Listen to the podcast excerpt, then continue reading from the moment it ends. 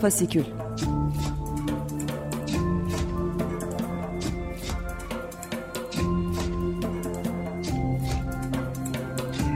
Altyazıdan Aylık Özgür Sinema Gündemi.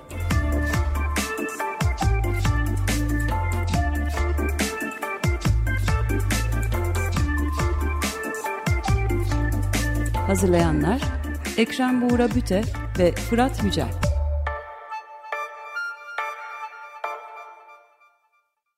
Merhabalar, Fasikül'e hoş geldiniz. Ben Ekrem Buğra Büte. Fasikül'de Fırat Yücel'le birlikte her ayın son çarşambasında Açık Radyo'da Özgür Sinema gündemini değerlendiriyoruz. Bu ay e, son dönemde gündeme gelen bir sergiyi ve açtığı ifade alanını konuşacağız aslında. Biraz oraya göz atacağız. Geçtiğimiz Aralık ayında Karşı Sanat'ın Beyoğlu'ndaki mekanında açılan bir sergiydi bu. Açık Dergi dinleyicilerin mutlaka ki aşina olduğu bir haber. Ee, yakın zamanda da çevrim içi ortama da taşındı. Çevrim içi olarak da takip edilebiliyor. Ee, TikTok'un emek sineması başlığını taşıyor sergi. Aslında derinlemesine konuşacağız ee, ama öncelikle e, bir konuğumuz var. Ee, serginin küratörü Ezgi Bakçay. Ona hoş geldin diyerek başlayalım. Merhabalar, teşekkür ediyorum davetiniz için. Hoş geldiniz. Fırat sen de hoş geldin, ikimiz de hoş geldik. hoş bulduk. ya aslında biraz tabii e, serginin ne olduğundan e, ve e, biraz da bizim de alanımıza giren sinemasal olarak da nasıl olanaklar sunduğundan vesaire konuşalım istiyoruz. Sergi aslında işçilerin, emekçilerin kendi çalışma mekanlarından paylaştığı TikTok videolarını bir araya getiriyor. Aslında bir paylaşım akışını, bir akımı bir çerçeveye alan bir sergi bu aslında, bir edisyon sergisi. Dolayısıyla klasik bir soruyla başlamak istiyorum Ezgi. Ee, yani nasıl ortaya çıktı bu sergi fikri ee, diyerek başlayalım istersen. Yani nasıl işleri bir araya getiriyor? Sizin için nasıl oldu süreç?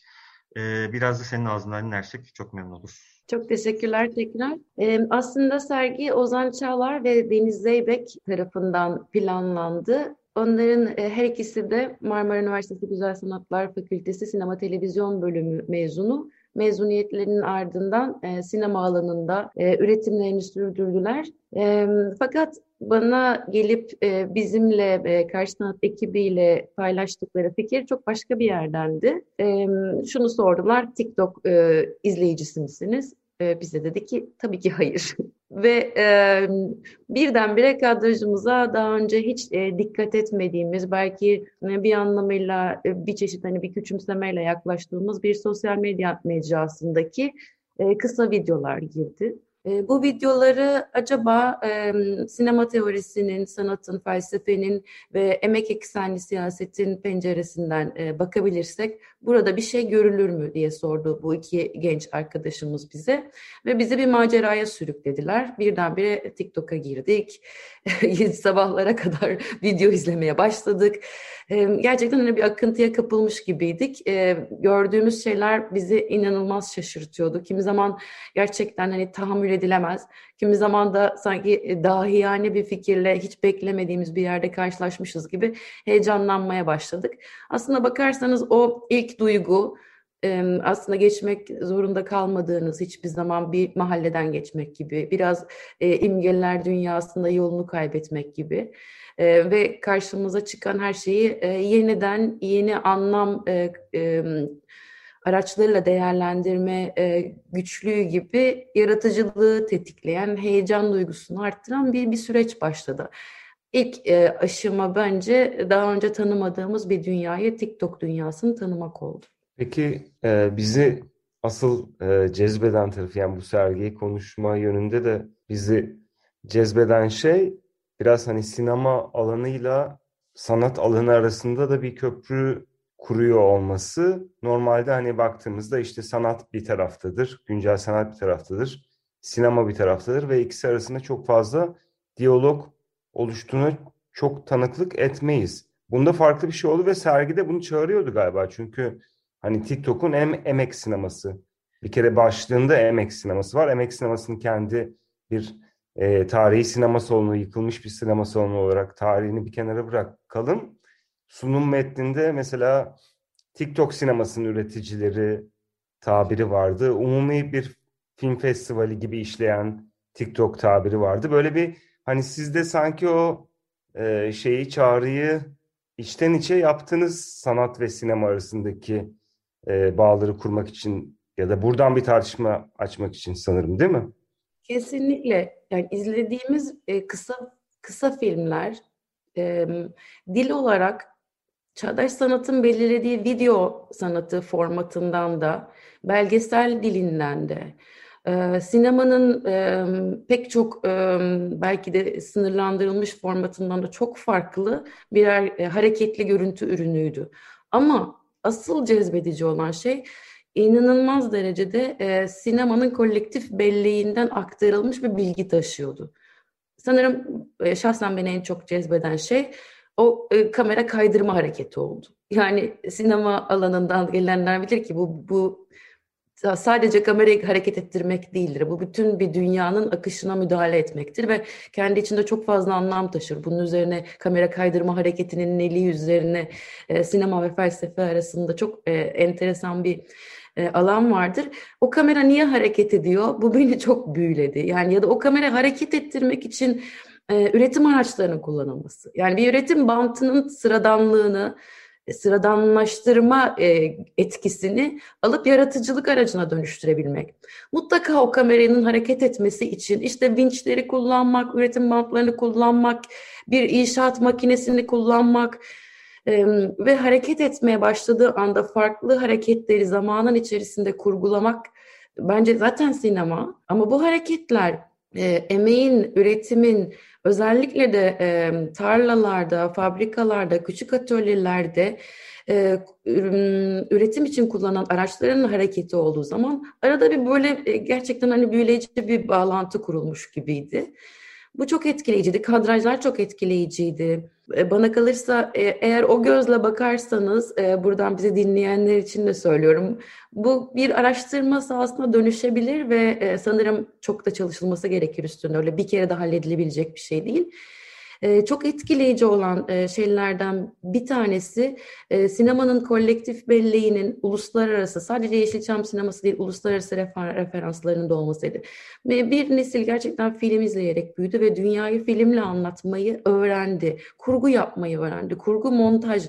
Bu ne demek yani? Belki de e, aynı anda da politika demek, montajı anlamak, montajı yapıyor olabilmek anlam yaratıyor olmak demektir. Dolayısıyla e, bu e, elimizdeki e, cep telefonları, bütün bu cihazlar e, yarattıkları bütün bu gözetim e, dünyasının da ötesinde bir takım e, yetenek ve yatkınlıkları da daha geniş kesimlerle paylaştırıyor ve onlara da erişilebilir kılıyor duygusu da bize geçti açıkçası.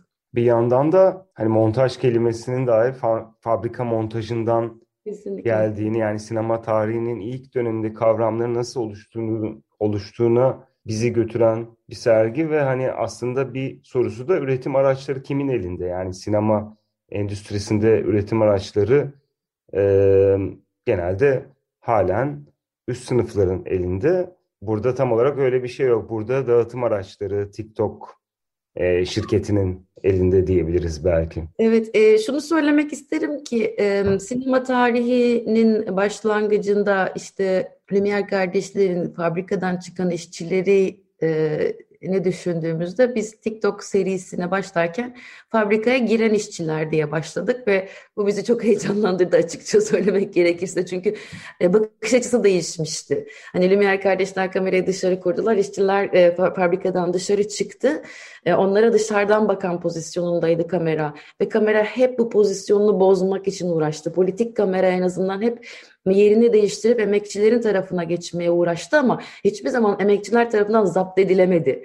Ama şimdi burada o videoyu gördüğüm anda gerçekten hani bütün çelişkilerine rağmen mecranın e, işçilerin e, fabrikaya girerken e, tam da böyle hani omuz omuza e, kameranın kalabalığın içerisinden nasıl aktığını gördüğümüzde ve kameranın doğrudan işçinin gözünden yerleşmiş olduğunu fark ettiğinde bunun sinemayla bilgisi olmalı fikri geldi. Bana kalırsa hala da e, bunu e, düşünmekte fayda var. Diğer yandan e, sakın şöyle de düşünmeyelim ki elbette TikTok bir e, küresel şirket. Elbette bizim bu imaj kapital, semyon kapital dediğimiz yani imgenin metalaşması sürecinde emek, emekçilerin ürettikleri görüntülerden rant elde eden de bir şirketten bahsediyoruz. Asla püripak bir yerde değiliz. İşte algoritmalardan bahsediyoruz, işte bu videolardan para kazananlardan söz ediyoruz. Buranın bir çeşit e, denetim alanı olduğundan ve gözetim alanı olduğundan da söz ediyoruz. İşte zaten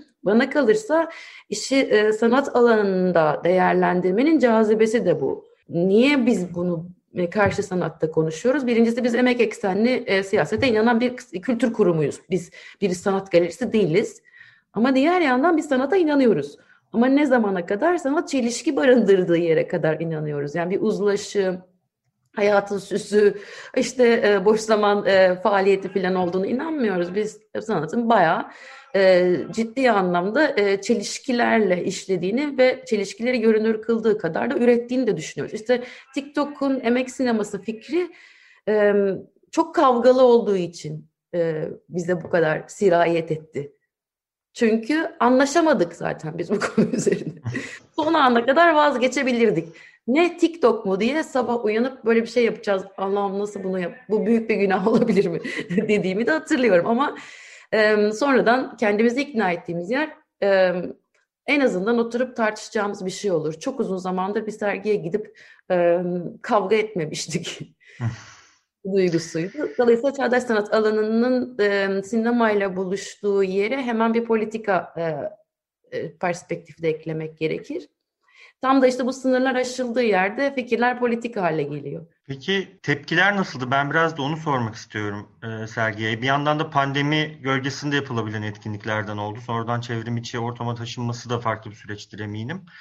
E, bizim onu da hatırlatmış olayım. E, Fasikül'de, Atlas Fasikül'ün e, internet sitesinde e, sergiyle ilgili bir yazı da yayınladık. Berfin Atlı'nın kaleme aldığı İşçilerin Fantezi Evreni başlığını taşıyor. E, oradan bir referansla soracağım aslında. Orada bir e, karşılaşma alanı olduğundan bahsediyor e, bu serginin. Yani çünkü aslında TikTok'ta hali hazırda var olan bu videolar bunlar. Farklı bir paranteze alınıyor, bir çerçeveye alınıyor ve bir sergi alanına taşınıyor. Bunun e, güncel sanat izleyicisiyle e, işçilerin evreninin karşılaşması olduğuna dair bir ifade var. E, bir yandan da işte senin de bahsettiğin temsiliyet e, meselesi üzerinden çok konuşuldu sergi. E, işçilerin temsiliyeti, e, bugüne kadar üretilmiş işçi imajının e, imajıyla bunun diyaloğu ve e, ona yaptığı katkının e, cezbediciliği hakikaten. E, yani sergi tepki, tepkiler, tepkiler nasıldı? İnsanlar neler dediler? Güncel sanat izleyicisi nasıl karşıladı mesela? Onları merak ediyoruz. Nefret ettiler. Şöyle bir şey oldu hakikaten e, şaka bir yana sosyal medyada ilk çıktığı zaman inanılmaz derecede böyle bir e, defans gördüm. Hatta yani kaydettim yani. Neyi korumaya çalıştığını anlamaya çalıştım bu defansın. Sanatın kutsal dünyasında, TikTok'un işte kenar mahallesinden gelen gürültüler. Nedir yani bu bu direnç? Ee, bir, bir, bir bünye kabul etmedi tabii ki ve haklı da olabilirler bilmiyorum. Sadece e, bana kalırsa e, işte temsiliyet politikalarından söz ettiğimiz zaman kimi kimi temsil etmeye hakkı var. E, bu burası kimin sahnesi, kim kimi nasıl gösteriyor soruları olmadan ne, ne sinema ne sanat konuşabiliriz ne de siyaset konuşabiliriz. Tam da temsil temsil tartışıyoruz burası. Ta kalbinden yakaladın. Yani diğer taraftan işte bir başka kesim e, çok ilginç buldu e, ama e, bence bu kesimle birlikte sizin de dahil olduğunuz bu tartışmayla birlikte biz çözemediğimiz soruları açmakla ilgili çok iyi bir süreç yaşadık. Yani hiç kimse de bize o işte çok iyi, harika falan demedi. Her seferinde sorular, yeni sorular, yeni bakış açılarıyla karşılaştık ve bu kesinlikle serginin bir süreç olması fikrini bana tekrar hatırlattı ve ne kadar besleyici olabileceğini, biraz cesur olup risk alabilirsek, yani şu güvenli alandan çıkmayı en azından sanatta, sinemada başarabilirsek öğrenebileceğimizi, fikirleri kolektifleştirebileceğimizi fark ettim. Bana kalırsa işte o e, büyük defansları, alan korumacı e, faktörleri falan hiçe sayıp Bence bu çağdaş sanat alanına da e, ihtiyacı olan bir şey. Biraz şu e, kabuklarımızdan çıkarsak e, temsiliyet sorunlarının aslında hiç de göründüğü kadar kolay olmadığını fark etmeye başlayacağız. Şimdi sinemada da sanatta da işçiler, emekçiler ya da ezilenler ya da e, görüntü üretim araçlarına sahip olmayanlar adına o kadar çok söz söyleniyor ki ama çoğu zaman bunu iyi film diye izleyebiliyoruz e, ya da çoğu zaman iyi iş diye izleyebiliyoruz. Biz sadece sınırı biraz daha aştık ki e, bu e, hak ihlali görünebilir olsun. Kimin imgesi, kimin hakkı. E, dolayısıyla burada bir, bir tabii bir, bir küçük provokasyon var. Yaptığımız şey e, olacak şey değil yani TikTok'tan alıp videoları e, bir, e, bir büyüterek e, projeksiyonlarla bir mekana taşımak, o seçki, o küratöryel olma riski ki bu sözcük tabii ki e, işte kürtajdan da gelen bir sözcük. Sen kimin kime kürtaj yapıyorsun riski taşıyor ama biz bundan olabildiği kadar yani kendimize bir, bir film etiği, bir görüntü etiği belirleyerek hiç videolara dokunmadan, oldukları gibi saklayarak, e, üreticileriyle tek tek konuşarak, onların isimleri de sergide e, sanki e, iş üretmişler ya da eser sahipleriymiş gibi isimlerini yazarak bir çeşit eşitlik denge sağlamaya çalıştık. Videoları büyütmek isteğimiz ise onlara bakan gözün performansını arttırmak için de biraz daha dikkatini arttırmak için aslında anıtsallaştırmak ve yüceltmek için değil ama siz ne yaparsanız yapın bir seçki varsa ortada söz konusu olan siz zaten oraya bir fikir giydiriyorsunuz anlamına geliyor. Oraya bir anlamıyla bir bir bir güç uyguluyorsunuz anlamına da geliyor. Bunun da çok farkındayız.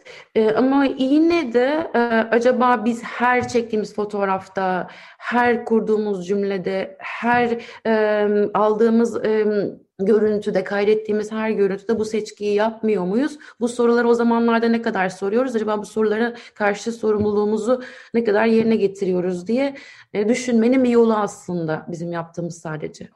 Çok küçük bir şey söylemek istiyorum. Bizim e, mekanımızın hemen karşısında Galatasaray Meydanı'nda bugün bir sergi var. E, bunu özellikle e, sizinle konuşmayı ve bu bağlamda konuşmayı çok istiyorum. İnanılmaz şeyler oluyor sokakta. Temsille ilgili, görüntü ve imgeyle ilgili e, akıl almaz bir politik şiddet e, yaşıyoruz. E, gör, e, size hani anlatmaktan bile çekineceğim e, boyutlarda e, şiddet görüntülerinin e, sokakta, kamusal alanda e, büyük baskı fotoğraflarla İstanbul'un merkezinde e, teşhir edildiği bir yerdeyiz. İmge politikalarını, e, imgenin şiddetini e, bana kalırsa egemenler inanılmaz boyutlarda kullanıyor. Buna karşı e, sanat alanının sorumluluğu var. Ben bizim yaptığımız işi e, buraya bağlıyorum neyi kim gösteriyor sorusunu e, ben e, biraz e, sanat ve sinemanın da sorumluluğunun biraz bu olduğunu düşünüyorum. Hani bize vurun ki hani gelin şunu tartışalım. Ben sizi buraya davet ediyorum ki oradan edindiğimiz pratikle sokakta gördüğümüz görüntülere karşı eleştirel bir düşünceyi yaratabilelim. Aslında yani e, bu senin de ara ara değindiğin e, bu son verdiğin örnekte de bence belirleyici olan yani bakma bakan bakılan e, ayrımı e, sinema ile politikanın bir araya geldiği bütün örneklerde aslında e, belirleyici olan bir durum. E, yani işte farklı farklı örneklerde baktığımız perspektife göre olumlu ya da olumsuz görebileceğimiz bir sürü örnek var tabii ki. E, bu yani bunu söylemen o, o yüzden bence iyi oldu çünkü e, bir yandan aslında yani serginin kendisi yani sinemasal olarak bizi ilgilendiren tarafıyla ilgili olarak da e, aslında bir işte o bakanla bakılının e, yer değiştirmesi durumu var ya bir yandan da işte o üretim araçlarının e, işte dijitalle birlikte el değiştirmesinden ve bunun imkanlardan hep bahsediyoruz yıllardır bahsediliyor. Fakat bunun ne olduğuna dair e, çok aslında bir şey yok elimizde. Yani çok bir örnek de olmuyor. İşte çok onun öyle gitmediğini de gördük dijital e, tekerlerin vesaire ilerlemesiyle ama ee, yani tabii ki bu TikTok e, sinemayı kurtaracak gibi bir şey demek istemiyorum ama e, yani bu TikTok videolarındaki e, farklı kanalların hareket etme biçimi beni etkiledi açıkçası. Çünkü o sinemasal işte sizin montaj örneğini verdiğiniz e, film dilinin e, neredeyse a, a priorik bir e, bilgiye dönüştüğünü ya da e, çok yerleşik kültürel kodlarımızda ya hareketli görüntünün kendisine zemininde olduğunu gösteren bir tarafı var bence bütün videoların. Çünkü mesela yani işte atıyorum Yeşilçam e, videoların parodileri de var ama işte daha toplumsal, toplumcu gerçekçi bir damar da var. Daha işte daha aşkın sinema diyebileceğim. dedik. Şiirsel sinema dedik. Evet. Şiirsel sinema dedik. Bir tür video serisi var. Ee, gerçekten şey böyle şaşırıyorsun. Çünkü zaman konuşuyoruz ya emek zamanı konuşuyoruz, boş zaman konuşuyoruz. Atıyorum bir makine hareket ediyor, kayıyor görüntü. Aslında hiçbir şey olmuyor. Ama oradan alınmış bir haz var. Hani şimdi o görüntünün, o estetikten alınmış bir haz var. O kaydedilmiş ve işte hiç beğenmediğimiz o bir çöplük gibi gördüğümüz TikTok mecrasının içerisinde o, görüntünün yeri var. Çünkü bu burada bir bir tür hani e, kafa emeği, kol emeği ayrımında olduğu gibi hazların, zevklerin dağılımında da aslında çok layık görmediğimiz bir yerden çıkışında e, kendimizi eleştirme, bunu niye şaşırıyorsun dememiz gereken şeylerle de karşılaşıyoruz. Evet yani ilk mesela açılan onu diyordum ben de ya daha böyle aşkın sinema ya varan şeyler var. İlk mesela serginin e, internet sitesindeki ilk açılış videosu e, anormal etkileyici ya. Böyle ben Terence Malick'in erken dönem filmlerini hatırlattı bana. Yani e, hakikaten şey e, etkileyici. E, evet. yani bir yandan oradaki... da yani tartışma sonsuza kadar konuşabiliriz gibi evet. geliyor. Hani ben de şeyi vurgulamak is istiyorum. Ee, hani zaman varken hala. Yani şöyle bir şey de oldu bence pandemi sırasında bu serginin e, yapılmasıyla birlikte. Çünkü biz yani sinema sektöründe biz setleri durdurun kampanyası başladı. Setler büyük oranda durduruldu. Şu an hala e, devam ediyor. Ama durdurulduğu bir dönem vardı ve o dönemde sanki her şey duymuş, hayat durmuş, herkes işte evindeymiş gibi bir e, herkes aynı gemide e, tahayyülü, hayali yaratıldı. Tam da o noktada yok yani cep telefonlarıyla fabrikada olan, atölyede olan işçiler var diyen bir şey. Yani orada kameralar durmuşken, bütün o eğlence sektörü durmuşken hayır buralarda emek zamanı devam ediyor. Yani toplumsal zaman burada devam ediyor diyen bir tarafı da oldu bence. Yani tahakküm ilişkilerine buradan da bakmaya bizi çağıran bir tarafı oldu. Onu da vurgulamak istedim. Evet, e, Aslı Odman ve Emre Eksan'la e, çok güzel bir sohbet yaptık. Onu da dinlemenizi tavsiye ederim eğer bu konu ilginizi çektiyse. Onlarla e, acaba hani bu tür bir yaklaşım nasıl bir işçi sınıfı tanımı e, ortaya çıkartıyor ekseninde aslında gelişti. E, Aslı Odman'ın söylediği e, çok enteresan bir şey vardı. O dedi ki e, tabii dedi bu videolar hangi tür e, üretim süreçlerinden gelebiliyor? E, bu da demek oluyor ki müthiş bir denetimin olmadığı küçük ve orta ölçekli işletmelerde bu zamanın zaten işçinin kendi zamanından çaldığı tür üretimlerde bunların olabilmesi mümkün. Çünkü izlemediyse hiç eğer dinleyicilerimiz şunu bilmeliler ki biz bayağı prodüksiyonlardan bahsediyoruz. Kalabalık kolektif üretimlerden bahsediyoruz. Set arkası dahi tasarlanmış filmlerden bahsediyoruz. Sanki böyle Lars von Trier bari böyle arkasında e, ki e, set işçilerinin hareketlerini öğrenmiş bir başka oyuncu ekibi de filmin içerisine dahil. Bir yabancı yabancılaşma efekti gibi. Dolayısıyla bütün bu komplike üretimler iş zamanından çalıyor. İşte o zaman kimin zamanı sorusunu daha bilimsel bir yerden tartışmaya da davet etti Aslı bizi. Ama şunu da söyledi ki zaten Türkiye'deki işletmelerin yüzde doksanı küçük ve orta ölçekli işletme. Yani bunu da kayda aldığımız zaman yine bütün o çelişkileriyle birlikte emek zamanının kaydının tutulması ilginç bir hale geliyor. Diğer yandan bir nokta daha var.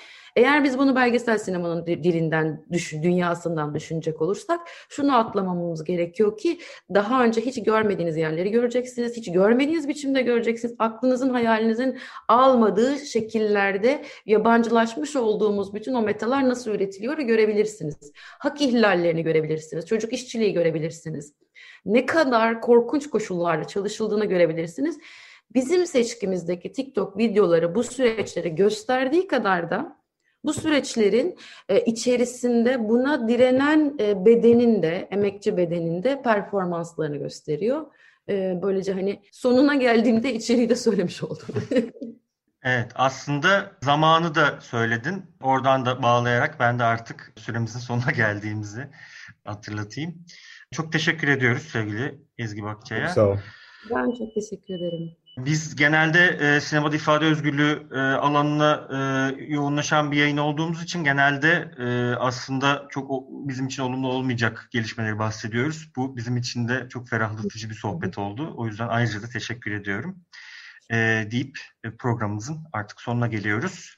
E, serginin e, TikTok'un Emek Sineması sergisinin çevrimçi olarak hala izlenebildiğini hatırlatalım. Berfin Atlı'nın altyazı fasiküldeki e, yazısının da yayında olduğunu, e, linkin de orada olduğunu da hatırlatalım dinleyicilerimize ve programımızın sonuna gelelim. Gelecek ayın son çarşambası görüşmek üzere. İyi akşamlar diliyoruz. Fasikül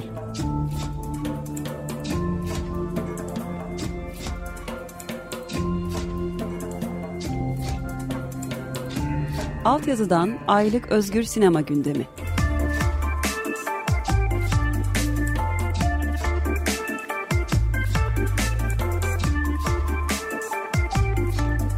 Hazırlayanlar Ekrem Buğra Büte ve Fırat Yücel.